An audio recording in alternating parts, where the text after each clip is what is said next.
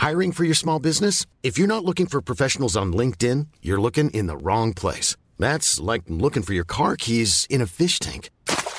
LinkedIn helps you hire professionals you can't find anywhere else, even those who aren't actively searching for a new job but might be open to the perfect role. In a given month, over 70% of LinkedIn users don't even visit other leading job sites. So start looking in the right place. With LinkedIn, you can hire professionals like a professional. Post your free job on linkedin.com slash spoken today.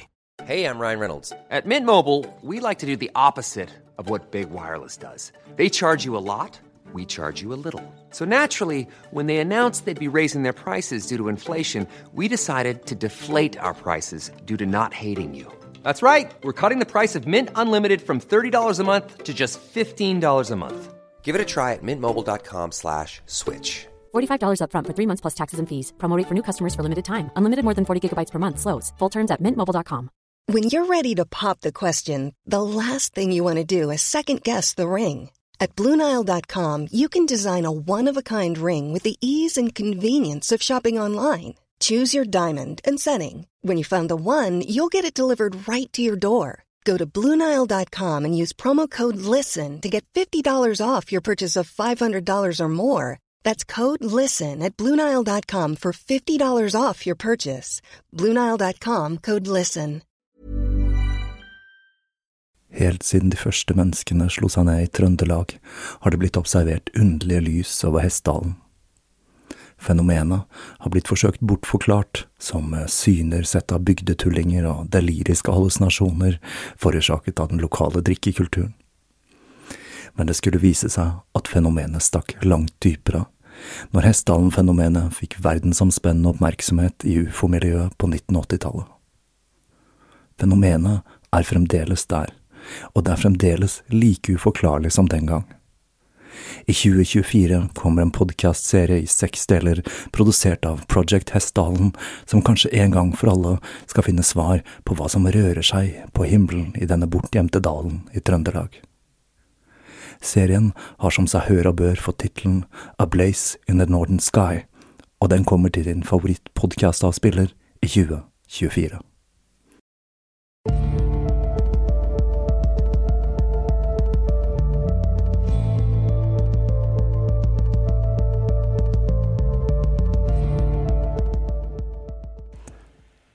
Hei og velkommen til Tåkeprat. Jeg heter Even, og når jeg tar opp denne episode 175, er det søndag den 14. november 2021. Endelig har jeg fått bad. Sjelden har det vært så stas å gjøre ting man normalt tar for gitt, som å dusje og vaske klær. Den eneste faren nå er at jeg sakte, men sikkert kommer til å bli forvandlet til en levende rosin, konstant dandert med badeskum og til tross for at jeg har blitt fortalt skrekkhistorier om oppussingsprosjekter i hele denne perioden, så har leverandøren levert akkurat som avtalt og til rett tid. Og skal jeg tro alle historiene jeg har hørt, så er det mer sjeldent enn å se Bigfoot på Svalbard. Men det var én ting, da. Det ble meg fortalt at uansett hvor bra det blir, så mangler det alltid én ting når alt er ferdig. Og akkurat det, slapp ikke jeg unna heller. Vi har altså totalrenovert badet. Alt er revet og bygget opp fra grunnen av, og det er blitt knasende flott. Et svart bad med italiensk interiør som selv Gabriel Denuncio nok ville godkjent.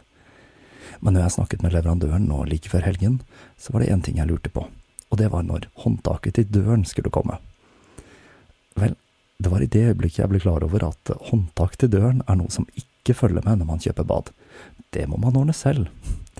Det er kanskje ingen stor sak, akkurat det. Og nå har jeg et flott dørhåndtak som gjør at døren både kan åpnes og lukkes. Men jeg syns bare det er litt rart, da. At det er en ting som burde være åpenbart. Men det var ikke ment som klaging, bare som en liten sidenote til ettertanke. For nå, nå skal jeg klage litt ordentlig. Nå som jeg har flyttet tilbake til min hjemby Oslo, så er det naturlig for meg å se meg om etter en jobb som ikke innebærer pendling. Arbeidsmarkedet ble jo kullkastet av pandemien, men nå blir det jo sagt at vi er på vei tilbake inn i normalen igjen. Jeg stortrives i jobben min, jeg, men eh, pendling, det tar både tid og det koster penger, så det er jo litt fristende å se hva som finnes i Oslo, som jeg vil tro er Norges største arbeidsmarked. Jeg vet ikke helt hva det skyldes, men etter å ha knastet sammen et femtitalls søknader, så har det ikke blitt så mye som et eneste intervju på meg. Det som kanskje frustrerer meg aller mest, er at det har begynt å dukke opp flere podkastrelaterte jobber, enten som produsent eller som vert. Men selv i de jobbene, hvor jeg vil påstå at jeg er unikt kvalifisert, så har intervjuene uteblitt. Og det har fått meg til å tenke. Det er mulig at det ikke er kult nok å være 44 år, og at eh, toget for nyansettelse, det har gått for min del. Jeg kjenner litt på at dersom jeg ikke hadde vært i full jobb, faktisk to jobber, jeg regner denne, podkasten som min andre, eller kanskje til og med min primære jobb, så hadde jeg rett og slett gitt opp. Bare tanken på hvordan dette hadde vært med Nav hengende over hodet som et damoklessverd, får meg til å kaldsvette. Det optimale for min del hadde selvsagt vært å få denne podkasten til å bli lønnsom nok til at jeg ikke trenger en jobb til, men slik er det dessverre ikke i dag. Jeg sender igjen en varm tanke til dere patrions der ute, som gjør at jeg i det minste klarer å få endene til å møtes fra måned til måned. For det er ikke til å stikke under en stol at landets lærerassistenter, meg inkludert, ikke akkurat svømmer i penger. Før så hadde jeg null problem med å skaffe meg betalt arbeid, og jeg har drevet med det aller meste. Det grimmeste jeg noen gang har gjort, var at jeg jobbet en uke som vikar der jeg hentet beholdere med brukte sanitetsbind fra offentlig toalett i Oslo. Det var ingen kremjobb, det akkurat, men jeg sto i den for å få endene til å møtes, så jeg vet ikke helt hva det er. Kanskje jeg burde vurdere å titulere meg som influenser, det er vel neppe en beskyttet tittel. Da burde jeg kanskje virke et par hakk hippere, eller kanskje ikke. Sånn er det nå en gang. Ingen vet hva framtiden bringer. Men nå skal vi over til dagens tema, som er historien om enda en bartemann, og denne gangen er det ingen ringere enn selveste Saddam Hussein som skal under lupen. Jeg var litt usikker på hvilket tema jeg skulle ta for meg i denne serien, og valget av tema kan dere takke Tåkeprats patrons for. Jeg hadde nemlig en liten uhøytidelig avstemning der, og det var Saddam som stakk av med seieren. Jeg bør kanskje nevne at jeg nylig har oppgradert Patrion, og det er nå mulig å velge mellom seks ulike nivåer basert på gradsystemet til Golden Dawn. Det er da noe. Historien om Saddam Hussein er, dessverre må vi vel kunne si, helt fri for okkulte krumspring men jeg tror dette er en fortelling som vil overraske og fascinere mange av dere der ute. Og jeg tror også at dette er en slags premiere, som den første serien der jeg tar for meg en diktator her i Tåkeprat. Hovedkilden jeg har valgt meg ut i denne serien, er Shiva Balagi sin Saddam Hussein-biografi fra 2006. Dette er en svært grundig biografi med side opp og side ned med kildereferanser, så jeg føler at det er et godt utgangspunkt for denne serien. Det finnes nemlig en drøss med biografier om Saddam, og flere av dem ble utgitt under hans regime, noe som gjør at det neppe er 100 korrekte, for å si det forsiktig. Men for å forstå historien om Saddam Hussein, må vi først se litt nærmere på hvordan landet Irak ble til. Og som dere sikkert kan gjette, så var ikke det helt uten utenlandsk innflytelse. Og da har jeg gleden av å gi dere historien om Saddam Hussein.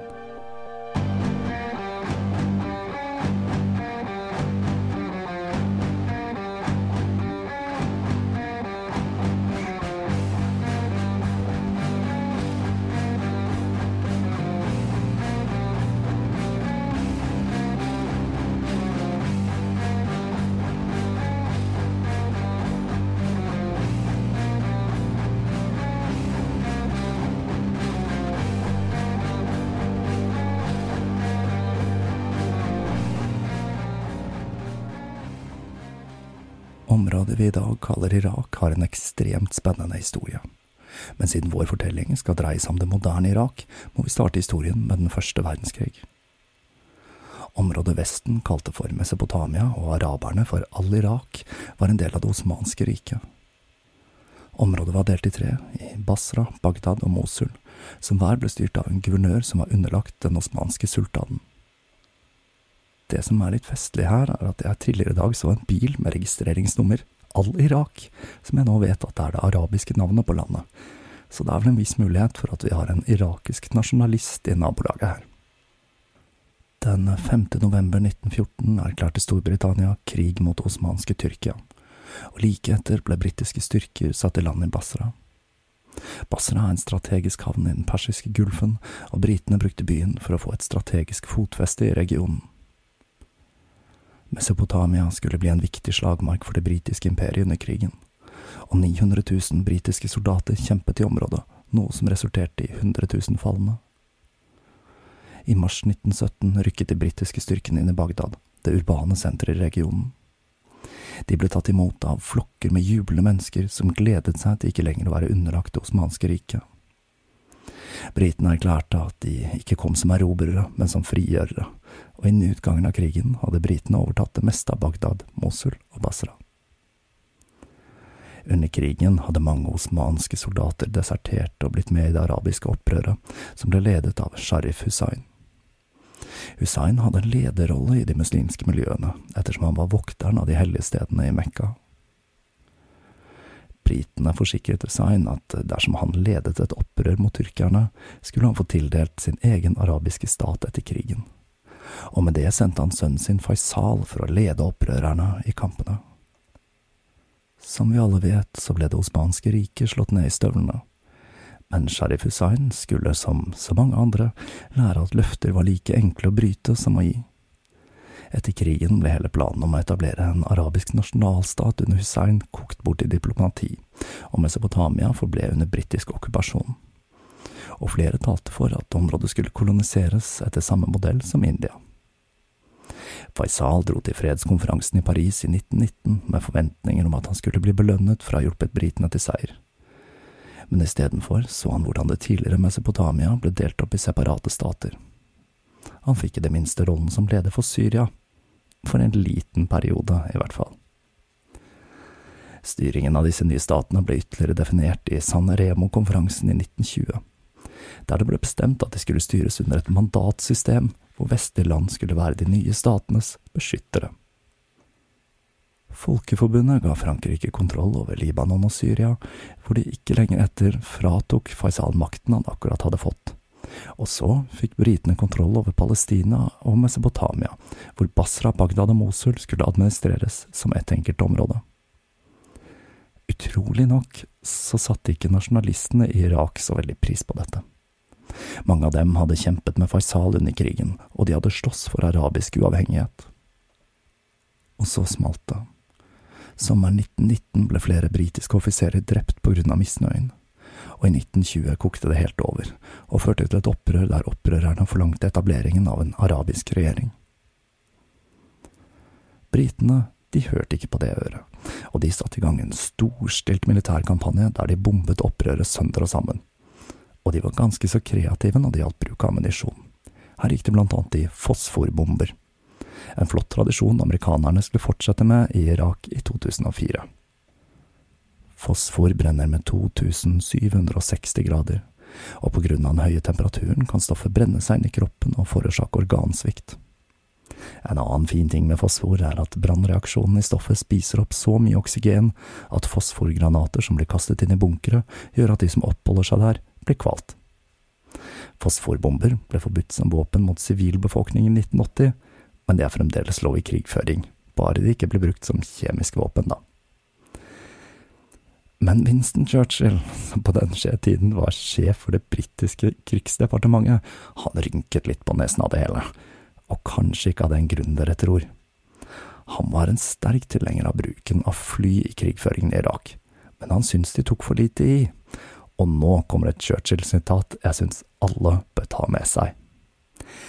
Jeg kan ikke begripe at man kvier seg for å bruke gass. Jeg er en sterk tilhenger av bruken av giftgass mot usiviliserte stammefolk. Det var altså, jeg må si dette en gang til, for dette er så bra. Jeg kan ikke begripe at man kvier seg for å bruke gass, jeg er en sterk tilhenger av bruken av giftgass mot usiviliserte stammefolk. Og det var ikke Saddam Hussein, men Winston Churchill som kom med det utsagnet. Legg dere det på minnet. Samtidig som Churchill snakket så varmt om å gasse den irakiske sivilbefolkningen, var briter flest skeptiske til å fortsette koloniseringen av området. Det hele var dyrt. Kampanjen hadde kostet 40 millioner pund, og 9000 irakere og 2000 briter hadde strøket med i kamphandlingene. Og det hele var kun for å presse på med en britisk administrasjon de som bodde der aldri hadde spurt om eller ikke ønsket seg men i januar 1921 ble Churchill utnevnt til kolonisekretær, og han visste godt at nasjonalistene fremdeles var aktive i Irak, til tross for fosforbombing av sauegjetere. Så han gjorde det han kunne for å kneble irakisk presse og fengsle nasjonalister. Selv om protestene mot okkupasjonen fortsatte hjemme i England, sa Churchill at de hadde fjernet det tyrkiske styret i landet og sverget med hele verden som vitne at de skulle innføre et bedre styre enn det de hadde styrtet. Og hvis de nå skulle forlate landet, ville de etterlate seg anarki og overlate kulturskatter til villmenn og beduiner. Men til tross for dette så var han klar over at de trengte en bedre måte å styre Mesopotamia på. Og etter et møte med Midtøsten-ekspertene i den britiske koloniadministrasjonen bestemte de seg for at de skulle utnevne Faisal til konge av Irak, om enn ikke under en sterk britisk kontroll. På den måten følte de at de kunne slippe taket litt og fremdeles regjere ved hjelp av en marionettemonark. Faisal som selv aldri hadde vært i Irak, ble valgt som konge i et rigget valg der 96% av stemmene gikk til ham. Og den 23. august 1921 ble han kronet til lyden av den britiske nasjonalsangen. Altså, dette er jo ren satire. Det var nå Irak offisielt ble døpt Irak, og det irakiske flagget som hadde blitt designet for anledningen, ble heist til topps i alle offentlige bygninger. Et parlamentarisk system basert på det britiske ble etablert, og en britisk advokat meislet ut en ny grunnlov. Jeg mener, hva kunne gå galt? Selv om dette tilsynelatende var en slags uavhengig nasjon, så underskrev de den anglo-irakiske traktaten av 1922, som sikret Storbritannia fortsatt kontroll over landet. Etter etableringen av Irak fortsatte debatten i England om hvor stor den britiske tilstedeværelsen i regionen skulle være, og både Winston Churchill, nå for alltid kjent som Gassmannen, og den britiske statsministeren Lloyd George var veldig klare på at Irak trengte en fortsatt sterk britisk militær tilstedeværelse. Og nå ramler dere sikkert av stolene der ute over å få vite at dette ikke dreide seg om ren omsorg for det irakiske folket. Nei da, det dreide seg om olje, selvsagt. I Irak hadde man funnet noen av de rikeste oljeforekomstene i verden, noe som førte til opprettelsen av det irakiske petroleumsselskapet i 1929. England var livredde for at Frankrike, eller Hutematu USA, skulle grafse til seg oljereservene der. Så like etter opprettelsen av det nasjonale irakiske oljeselskapet ble enda en anglo-irakisk avtale undertegnet. Der ble det avgjort at Storbritannia skulle beholde militær, utenriks og ikke minst økonomisk kontroll over Irak. Når de hadde hva man kan kalle et ballegrep på landet, så gikk England til Folkeforbundet og sa at Irak nå var klare til å bli en uavhengig stat. Og oktober 1932 ble det det 57. medlemmet av Folkeforbundet. Men ikke helt uventet så ble denne nye staten, som var et konstitusjonelt monarki slik som Norge, styrt av en utvalgt gruppe rike landeiere, og alle valgene var rigget slik at de samme folka roterte inn og ut av statlige stillinger. Det at staten var så gjennomkorrupt, og at utenlandsk makt satt og trakk i trådene, førte til at de fleste irakere begynte å se på ting som valg og parlament med stor mistro. Noe som sikkert har gjort det vrient for alle andre som har forsøkt å innføre såkalt demokrati i Midtøsten. Bare ett år etter Irak hadde blitt selvstendig, døde kong Faisal, og sønnen hans Ghazi overtok tronen. Ghazi var en sterk motstander av europeisk kolonialisme i Midtøsten, og det førte til at han ble veldig populær. Han startet til og med sin egen radiostasjon han drev fra palasset sitt, hvor han blant annet proklamerte at Kuwait, som på den tiden var under britisk kontroll, burde bli en del av Irak. Og så skjedde noe uventet. En kveld våren 1929, når Ghazi var på kjøretur i sin splitter nye Buick Cabrolet, så kjørte han av veien, traff en lyktestolpe og døde. Ryktet om at det var britene som sto bak dødsfallet, spredte seg, og det gjorde sikkert ikke saken noe bedre at etterfølgeren hans, kong Faisal 2., kun var fem år gammel, slik at det var svigerbroren til Ghazi som ble midlertidig regent, og han var langt mer åpen for å samarbeide med britene enn hva Ghazi hadde vært. Og så kom andre verdenskrig. På det tidspunktet var irakerne lut lei England, og med god grunn kan vi vel egentlig slå fast. Tyskerne derimot hadde vært aktive i landet siden begynnelsen av århundreskiftet, og de var i gang med å bygge en jernbane som skulle binde sammen Berlin og Hey, I'm Ryan Reynolds. Recently, I asked Mint Mobile's legal team if big wireless companies are allowed to raise prices due to inflation. They said yes. And then when I asked if raising prices technically violates those onerous two year contracts, they said, What the f are you talking about, you insane Hollywood ass? F- So to recap, we're cutting the price of Mint Unlimited from $30 a month to just $15 a month. Give it a try at mintmobile.com slash switch. $45 upfront for three months plus taxes and fees. Promo for new customers for limited time. Unlimited more than 40 gigabytes per month. Slows. Full terms at mintmobile.com. Now's the time to save 30% on wedding jewelry, only on BlueNile.com. Make sure your wedding ring is the one with your pick of diamond and lab grown diamond bands, all hand finished and graded for excellence. Or surprise her with something blue she'll love for life, like a stunning pair of sapphire earrings. Blue Nile's jewelry experts are available 24 7 to help, from fit questions to style advice. Right now, get up to 30% off at BlueNile.com. BlueNile.com. De hadde knyttet seg til landet på flere måter, som ved å organisere arkeologiske utgravinger og ved å etablere flere tyske radiostasjoner som kringkastet det tyske ståstedet i Irak. I tillegg hadde flere irakiske offiserer fått opplæring av tyske lærere i de osmanske militærakademiene. Det var ikke så mye de store jødekonspirasjonsteoriene og raseteoriene som inspirerte irakerne, men den tyske militaristiske modellen. Når Tyskland angrep Polen i 1939, ville England at Irak skulle erklære krig mot Tyskland. Irak svarte med å bryte de diplomatiske forbindelsene til Tyskland, men de ville ikke erklære krig. I mars 1940 ble Rashid Ali statsminister i landet, og han sa at de ville stå ved de offisielle avtalene, som de to anglo-irakiske traktatene, men også at de fremdeles ville holde seg nøytrale. Det samme året gikk britiske tropper i land i Basra for videre transport til Palestina. Rashid sa at dette var greit, så lenge de oppholdt seg så kort tid som mulig på irakisk territorium. Når britene erklærte krig mot Italia, og Irak sa at de fremdeles ville forbli nøytrale, ble det for mye for engelskmennene, som rett og slett presset Rashid fra stillingen som statsminister. Dette førte til at fire offiserer i den irakiske hæren bestemte seg for å støtte Rashid i et kuppforsøk. Den 1. april 1940 omringet opprørsstyrkene palasset, og regenten flyktet. Rashid Ali dannet en ny regjering og erklærte at de ville etterleve alle de internasjonale avtalene som allerede var undertegnet, inkludert igjen de anglo-irakiske avtalene. Britene klødde seg litt i hodet og lurte på hvordan de skulle håndtere situasjonen, men Churchill, han visste hva som skulle til. Han sa at kontroll over Basra var essensiell for den britiske krigføringen på grunn av oljen.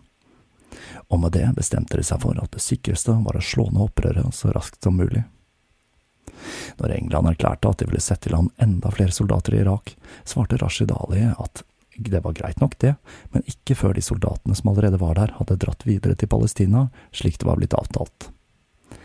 Det brukte britene for alt det var verdt. De sa at dette var et brudd på den anglo-irakiske avtalen, og så erklærte de krig mot Irak. Igjen brukte England RAF, det britiske luftforsvaret, til å bombe Irak sønder og sammen. Aksemaktene rakk ikke å komme til unnsetning før Rashid Ali så seg nødt til å heise det hvite flagget. Og ikke lenge etter ble de fire offiserene som hadde støttet ham, henrettet. Britene tok ca 1000 irakiske krigsfanger i løpet av trefningene, og en av disse var Kahir Allah, som var onkelen til Saddam Hussein. For mange irakere ble opprøret til Rashid husket som et heroisk forsøk på å kvitte seg med de vestlige kolonimaktene. Og en av dem som skulle bli fortalt denne historien, var den lille Saddam, som i ungdomstiden bodde hos onkelen sin.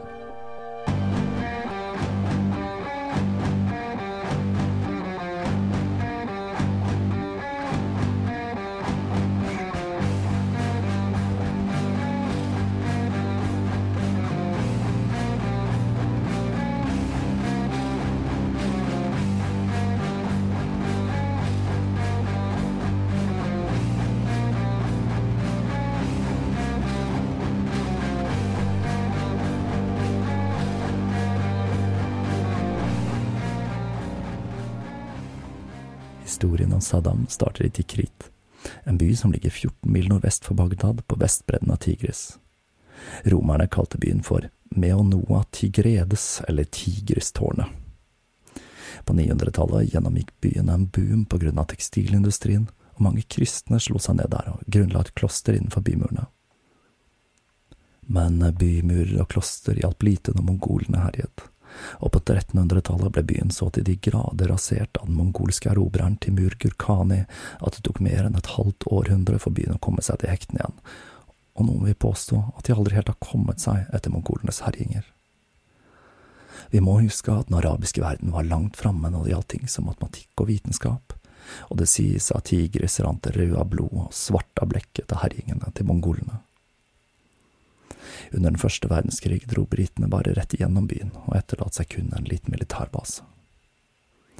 Tikrit er et goldt sted, hardt og dødt, men når det kommer et sjeldent regnskyll, så blomstrer ørkenen med små fargerike blomster. Byen var altså fødestedet til Saladin, den berømte muslimske hærføreren som slo korsfarerne og tok Jerusalem på 1100-tallet. Og han mener jeg vi har vært borti et par ganger tidligere her i Tåkeprat.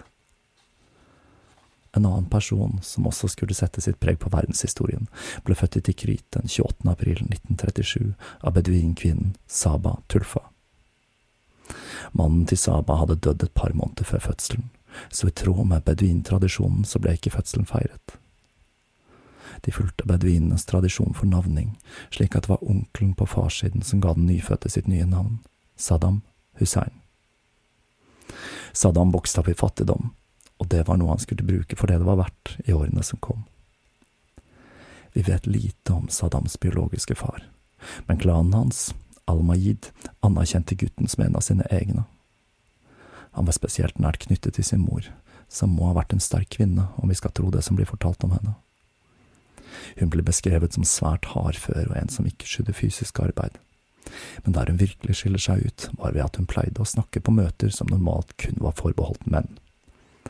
Og jeg regner med at jeg ikke tråkker på så altfor mange tær når jeg påstår at beduinkulturen kanskje ikke er den mest kvinnevennlige kulturen verden har sett. I løpet av livet skulle Saddam sette sin mor svært høyt, og han besøkte henne så ofte han kunne. Da hun døde i 1982, bygget han en gigantisk gravplass for henne til Krit, og erklærte henne som moren til den militante bevegelsen.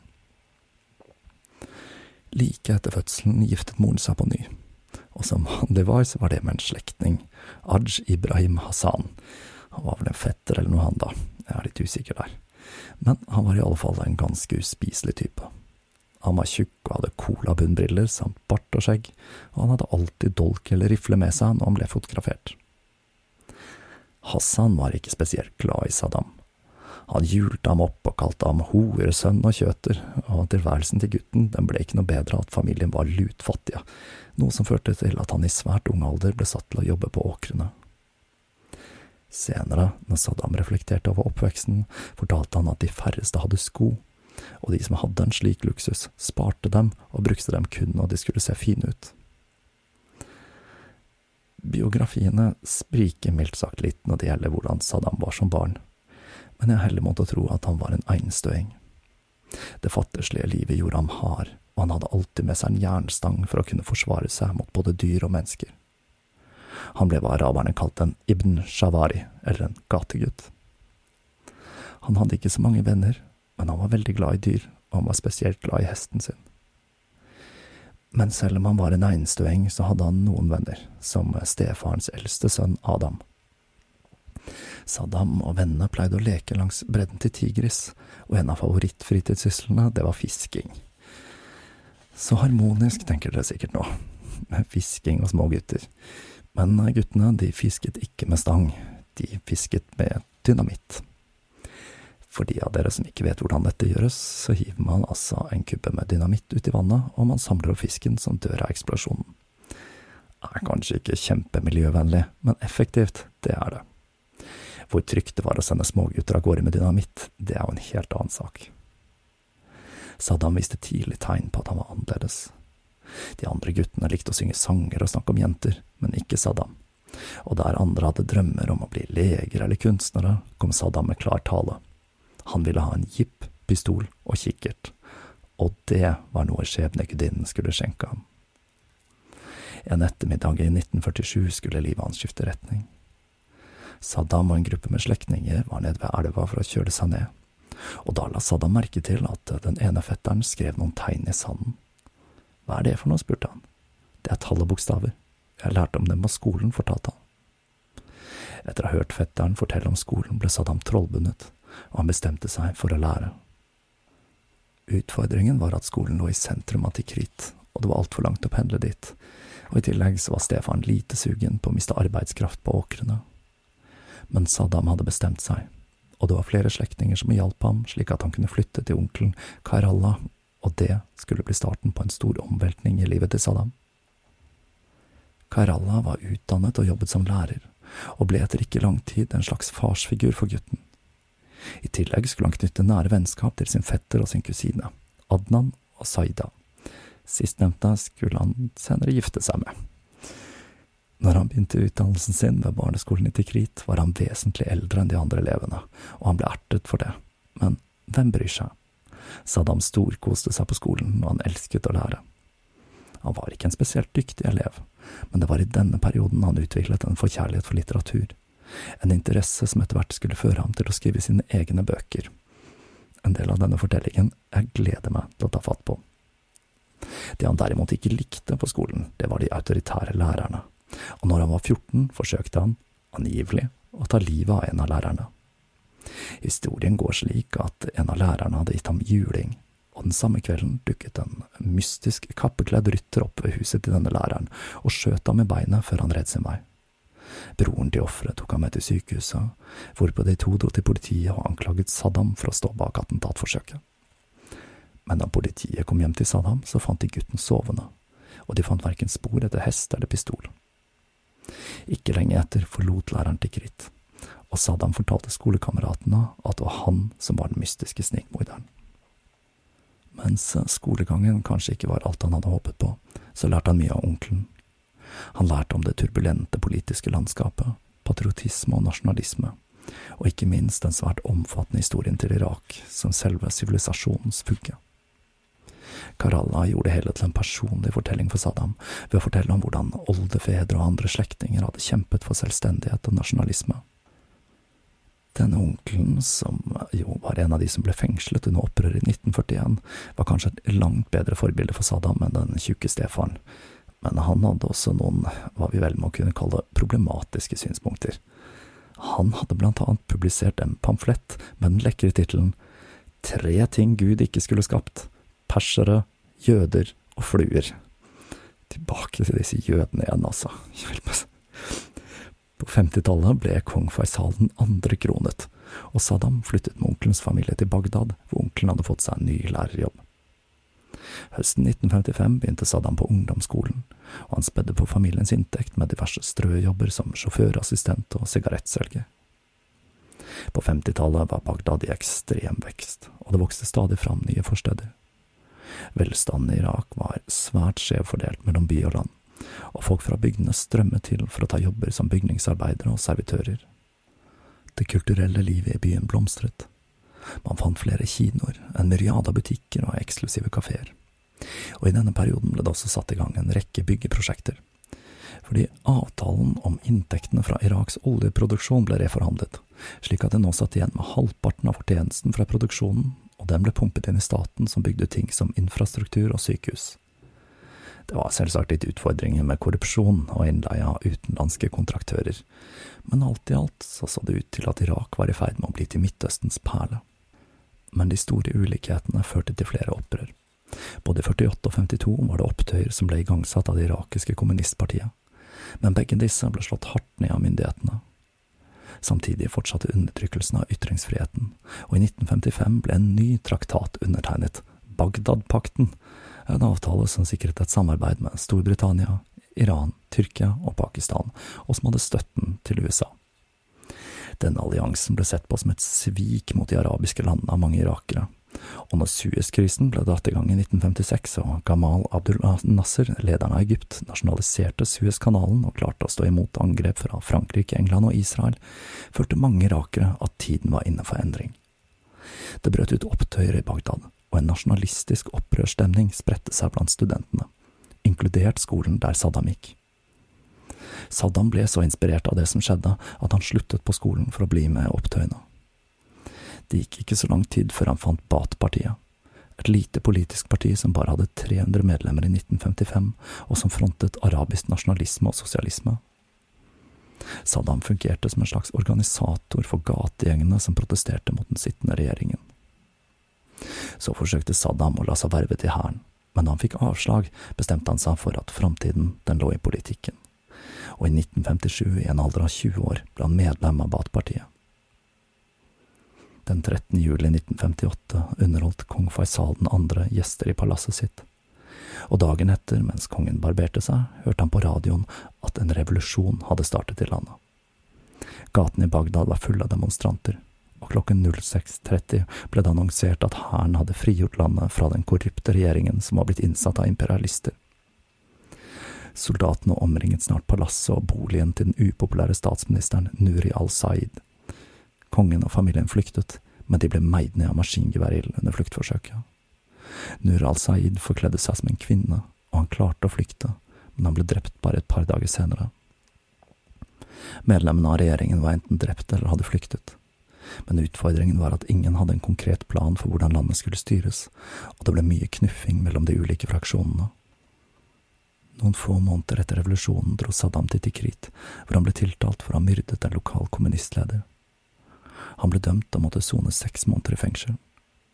Når han ble løslatt, dro han tilbake til Tikrit og fortsatte med det politiske arbeidet sitt. Men like etter fikk han besøk fra et medlem av Baath-partiet, og de sa at de trengte ham i Bagdad. Og med det satte han igjen kursen tilbake til byen som hadde gjort ham til en politisk rebell, og hvorfor han skulle sette sitt merke på irakisk historie i årene som kom.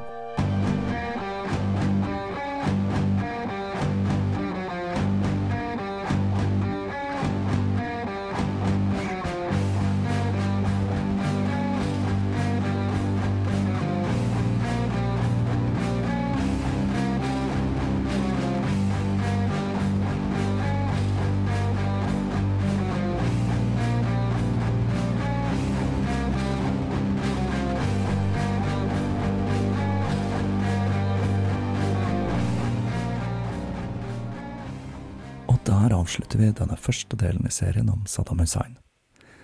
Jeg vet ikke helt hva dere tenker så langt, men jeg har i hvert fall mest sympati for Saddam Hussein så langt i denne fortellingen. Jeg tror ikke det er helt usannsynlig at jeg hadde delt synet på England som en uønsket okkupasjonsmakt på samme måte som de fleste irakere hadde etter første verdenskrig. Man høster som man sår, er det vel noe som heter.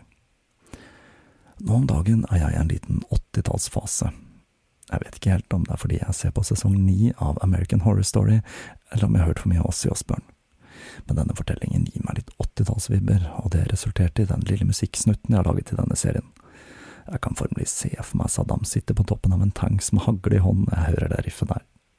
Som vanlig vil jeg takke alle patrions, dere som har handlet i nettbutikken, og dere som har donert. Jeg fikk et ønske om å legge ved vipsen til tåkeprat i episodenotatene. Så nå ligger den koden der. Det er 62 15 33, om det er noen der ute som føler at denne podkasten er verdt en krone eller to.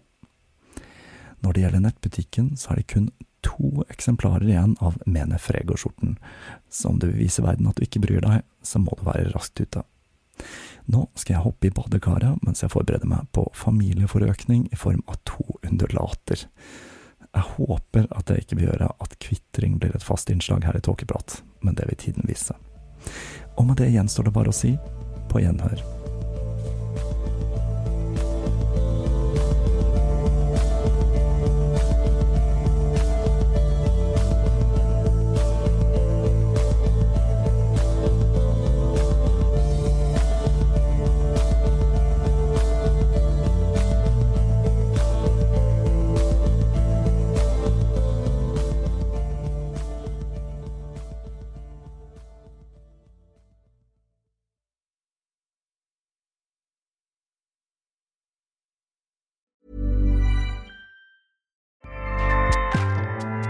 ACAST powers the world's best podcasts.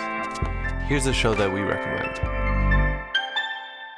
The Real Housewives is a guilty pleasure for most, but if you're looking to not feel guilty about that pleasure, tune in to Everything Iconic with me, Danny Pellegrino, where I break down all the messy moments and behind the scenes antics of Bravo's popular franchise. And on Everything Iconic, I also interview celebrity guests like Kelly Ripa, Kiki Palmer, Drew Barrymore, Cameron Diaz, and more about their guilty pleasures, their past work, and so much more. So if you're pop culture obsessed and find yourself watching way too much reality TV like me, tune in to Everything Iconic with Danny Pellegrino wherever you listen to podcasts. ACAST helps creators launch, grow, and monetize their podcasts everywhere. ACAST.com.